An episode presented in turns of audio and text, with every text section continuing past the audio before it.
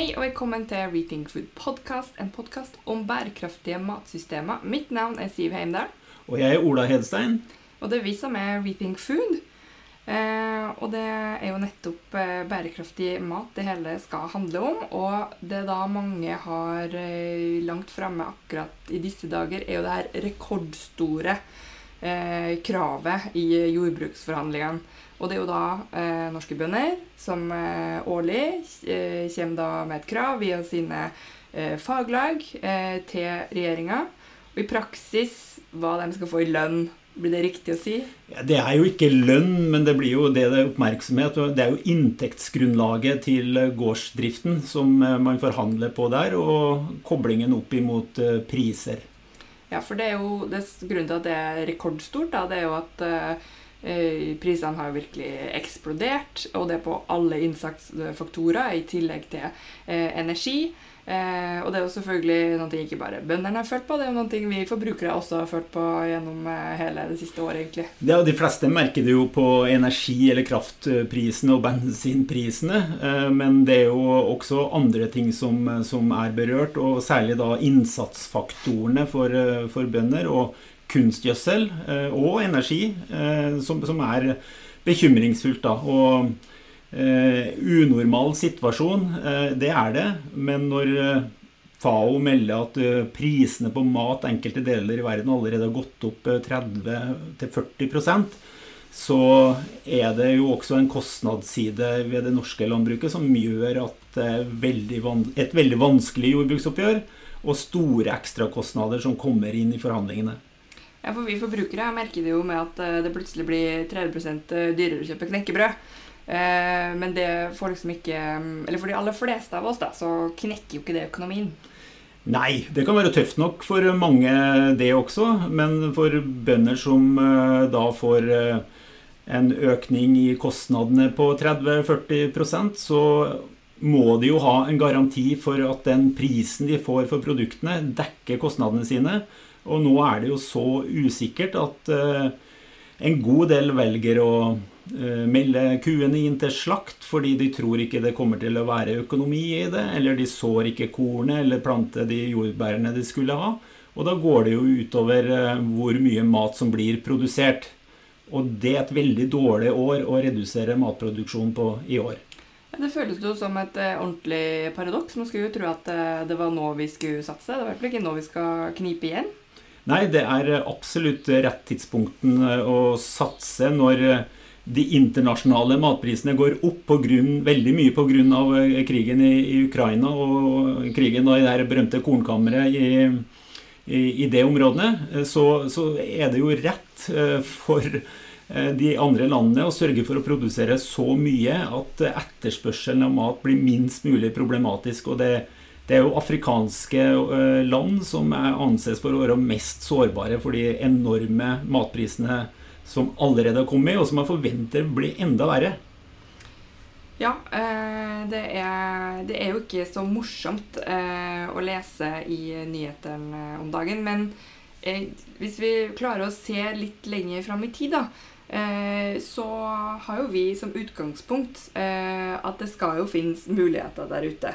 Eh, vi vet jo at uh, mat skal vi ha. Uh, uansett om vi klarer å løse det klimaproblemene eller ikke. mat blir viktig framover, og det blir viktig fordi vi blir flere mennesker. og det her har vi jo hatt en podkast om, det som vi da har kalt 2050 Challenge, som du da finner litt lenger ned i, i feeden hvis du er interessert i det. men bare for å koble det på de her jordbruksforhandlingene, da, så får jo dem eh, noen eh, konsekvenser hvert år. Ja, det gjør de. det. Det får jo konsekvenser for de, de, norske matprisene. Og det får konsekvenser for bøndenes mulighet for å få dekka kostnadene i sin produksjon.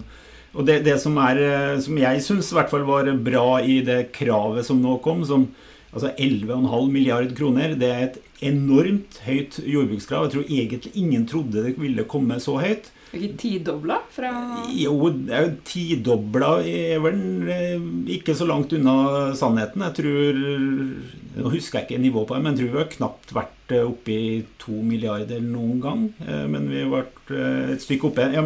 Men, men uansett så, er det et skikkelig høyt krav, og som skal dekke de merkostnadene.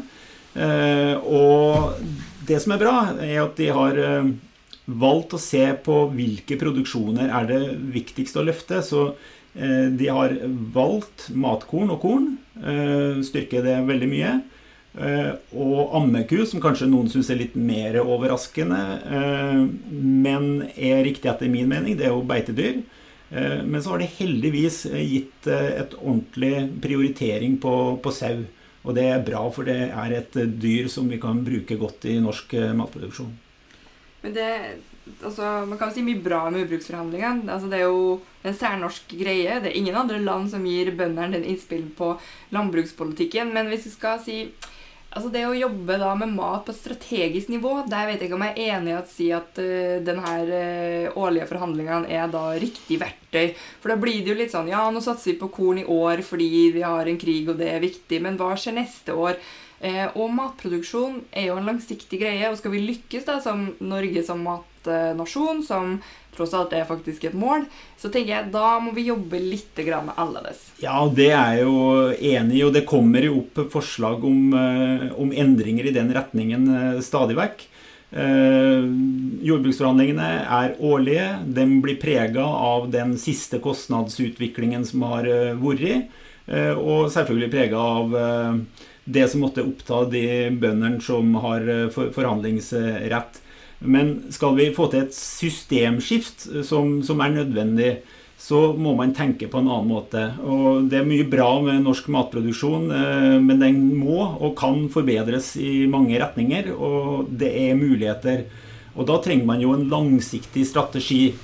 Eh, og det vi har tatt til orde for, Siv, det er jo hvor er vi i 2030? Altså Hvordan ser verden ut i 2030, og hvilke, hvilke eh, matstrategier bør Norge ha, gitt at man har lyktes med mye av den omstillingen i henhold til bærekraftsmålene de neste åtte årene?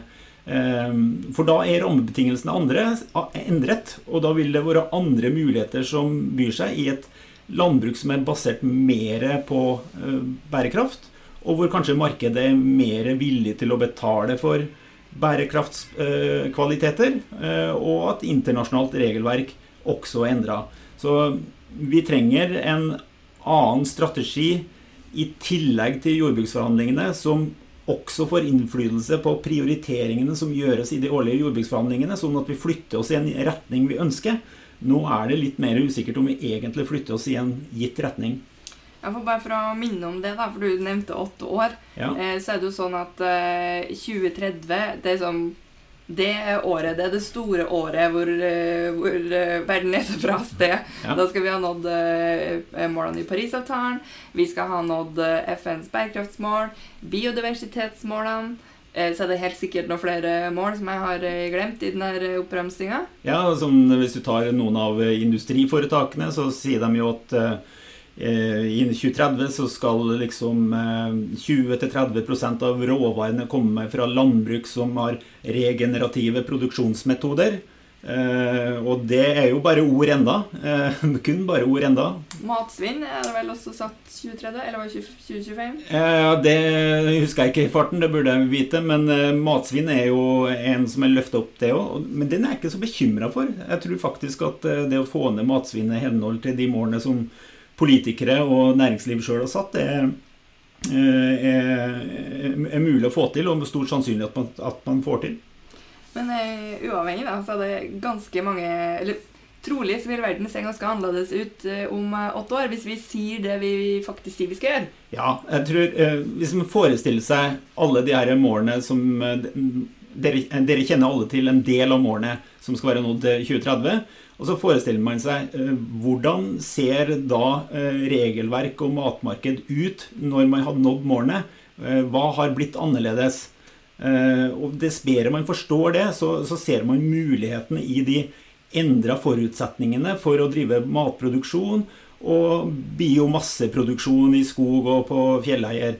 Eh, og da går det an å se nye inntektsmuligheter for, eh, for, landbruket, og det har jo betydning i disse jordbruksforhandlingssammenhengene. For skal jordbruket eh, bli mer bærekraftig, så må det være lønnsomt å gjøre mer av det som er riktig, og det bør være økt konkurransekraft til, til norsk produksjon som er veldig god på sånne ting som dyrehelse, plantehelse og relativt god på dyrevelferd også. Eh, når det blir lønnsomt, så blir det nye muligheter for både bønder og andre aktører i matverdisirkelen.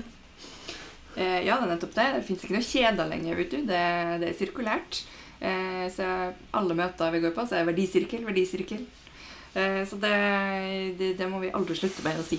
Eh, men eh, da er vi jo tilbake til det her med det, det å jobbe kortsiktig og tenke langsiktig. For da har vi, har vi, kommet dit da at verden verdsetter de verdiene som vi nettopp har snakka om. God dyrevelferd, god dyrehelse, utnyttelse av ressurser, utnyttelse av areal osv. osv. Da kan vi jo begynne å snakke muligheter. Ja, det er da det er muligheter.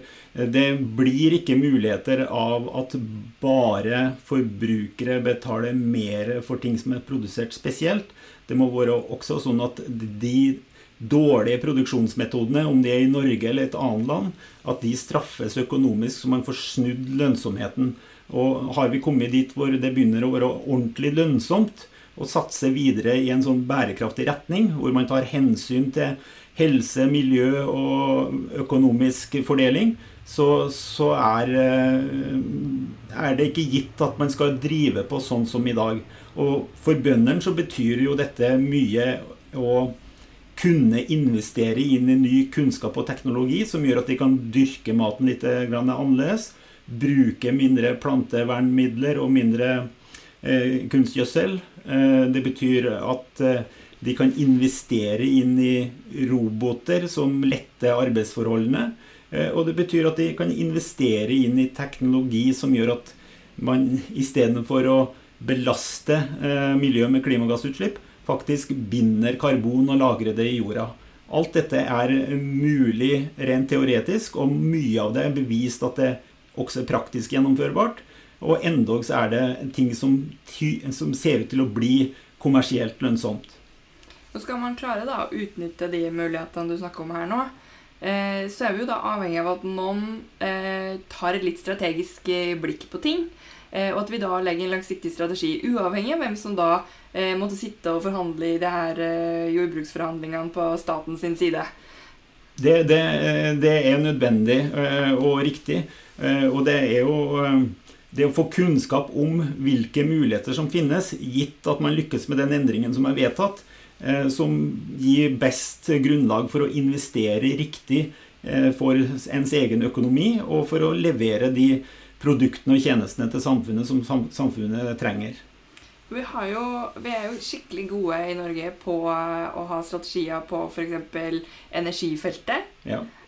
Selv om eh, det ikke er så populært akkurat nå, så har vi kjent oss eh, bazillion, gajillion eh, dollars på, yes. på, å produsere olje. Og grunnen til at vi har gjort det, det er jo ikke fordi at vi liksom tilfeldigvis Nei, skal vi kanskje gjøre litt sånn, eller kanskje litt sånn. Vi har jo hatt en plan. Jeg har hatt en veldig god plan. og så Alle strategier blir jo også litt til over tid, men hele veien så har det vært tufta på at vi skal maksimere eh, verdiskapingen til Norge for å finansiere velferden til alle nordmenn. Det har vært planen med den ressursen. Eh, og det er en fossil ressurs som vi skal slutte med.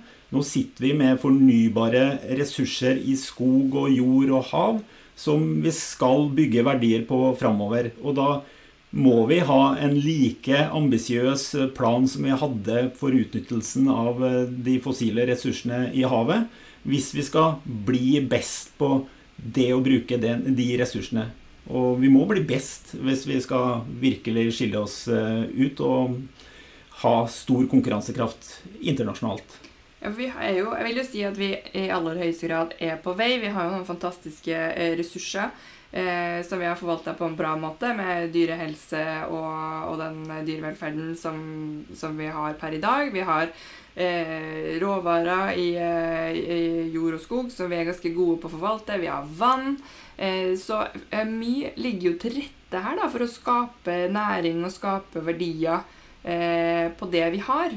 Og spesielt når da, som vi har snakka om, at når vi da har nådd de her bærekraftsmålene, så vil jo det, vi da bli enda mer attraktive. Så det å se at flere nå da velger å legge ned Altså, jeg forstår det jo, for det er jo snakk om reelle kostnader, det her. Men det da å liksom komme inn eh, og, og, satse før det er for seint Fordi det er jo eh, Altså, det å forvalte jord og skog, det er jo det er jo mer altså Jeg har nettopp fått meg sånn pallekasse. ja. så, så, jeg har jo skjønt ganske fort at du skal kunne ganske mye for at eh, du skal få en bra avling. Det er ikke bare å strø utover noe frø og helle på noe vann. Nei, du skal jo holde eh, jorda i hevd, som man eh, sier. Det, det betyr at du skal eh, stelle matjorda sånn at den har stor kraft til å produsere maten. Og lar du den ligge, så vil den surne. og Eh, miste Det blir fullt av ugress og, og mange ting. Så, så du, du, kan ikke slå av og på eh, matproduksjon. Eller bruken av utmarksbeiter, som også må pleies. Du må sørge for at eh, driftsforutsetningene er best mulig. Og da skylder vi jo uh, kan vi si bøndene som eier disse driftsmidlene som jord- og landbruksarealer er. Da skylder vi dem jo å vise tydelig hvilke muligheter som kommer, slik at de investerer så klokt og riktig i framtidige markedsmuligheter som overhodet mulig. Det kan man faktisk ikke forvente at hver enkeltbonde sitter og har full oversikt over. Det burde myndigheter eh, jobbe for, det burde næringsorganisasjoner jobbe for. Og slike interesseaktører som vi sjøl er, bør eh, hjelpe bøndene å se mulighetene inn i framtiden. Ja, for det, jeg tenker jo, vi har jo Det er jo kanskje en bransje, vil noen si, eh, som er prega av litt sånn eh, Sånn har vi alltid gjort det-mentalitet. Eh, men det å skulle få lagt en matstrategi på bordet, da, eh, det er jo en ny måte å tenke på. Og i det så ligger det jo også noen nye muligheter.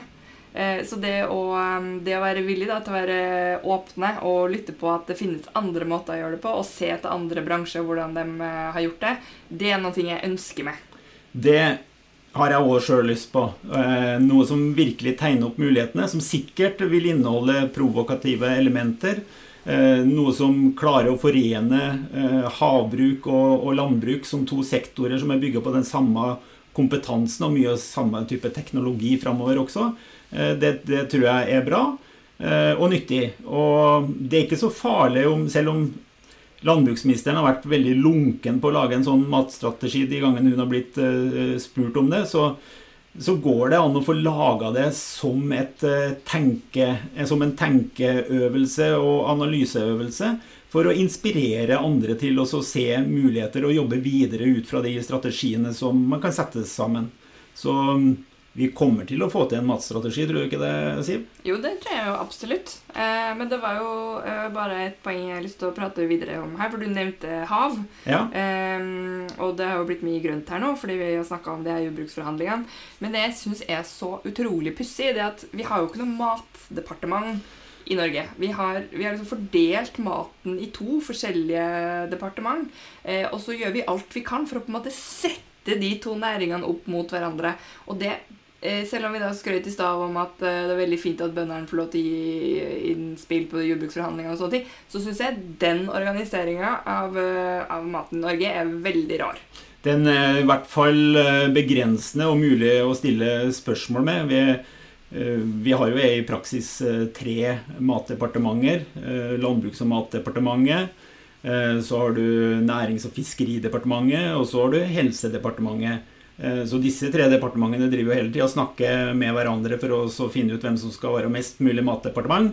Eh, og det er litt eh, klønete. Det hadde gått an å sy det sammen rundt, rundt andre prinsipper, strengt tatt.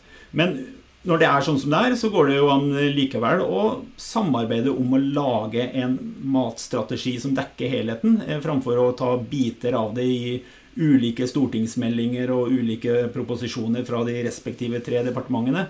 Det, det, går an å jobbe sammen slik myndighetene oppfordrer til i sine bærekraftsmål. Ja, Så da kanskje vi skal ta en på ordet, da? Ja, det bør vi jo gjøre. Vi, vi, inviterer til eh, å lage en matstrategi. Eh, vi er kommet ganske langt med å nøste sammen eh, økonomiske tråder og, og aktører som er interessert i å gjøre det. Og skal vi lage det, så er det Jeg tror det, det blir mest nyttig eh, hvis man jobber sammen med de som har lyst til å få det til. Og de som ikke har lyst til å få det til, det kan jo få slippe, så får de hekte seg på etterpå. Det pleier som regel å være en veldig god arbeidsmetodikk. Ja, det går fortere framover når man eh, ikke skal finne minste felles multiplum og ta, ta, hensyn til den som eh, senest kryper ut av sandkassa. Ja, men da lar vi det ligge ved det. Eh, vårt krav eh, til jordbruksforhandlingene er en, en langsiktig matstrategi. Eh, så jeg tror, eh, tror, kanskje ikke den ble løfta Jeg tror ikke den sto på budsjettet i de 11 milliardene, men det får være greit. Vi skal få det til på en annen måte. Det skal vi gjøre. Og det hadde vært en sann glede hvis vi kunne inspirere eh, neste jordbruksforhandling med et visjonært, men også realistisk dokument som viser hvilke muligheter eh, norsk landbruk har, og havbruk, eh, i tiden etter 2030. Det tror jeg ville ha interessert mange av forhandlerne. Enig. Eh, men du skal jo livesumme litt? Ja, det skal vi gjøre. Årets, årets skal jeg si, så denne fredagen Vi har jo livesummene fast hver fredag. Da er det Marit Aursand fra Sintef det er kanskje ikke så kjent for, eh, for alle at eh, Sintef har i mange mange år jobba veldig mye med både landbruk og havbruk, kanskje mest på havbruk. Eh, og det som har vært deres bidrag, er jo å se på teknologier som kan gjøre både produksjonene mer lønnsomme, men ikke minst mer bærekraftig. Og sirkulærøkonomi har Marit Aursand jobba mye, mye med. Så har du lyst til å bli kjent med Eh, teknologihovedstadens Trondheims eh, forskningsinstitutt, eh, Sintef, og deres iver etter å utvikle teknologi som gjør bærekraft gjennomførbart, så er det verdt å høre på neste sending. Ja, men det, det skal folk gjøre. Da er det hver fredag, altså. Kjører vi live Zoom, som du kan da se på, på Facebook. Og så legges de da ut i podkastfeeden din på tirsdager. Skal vi, si, skal vi si det var det, og så høres vi ved neste anledning? Det gjør vi. Ha det.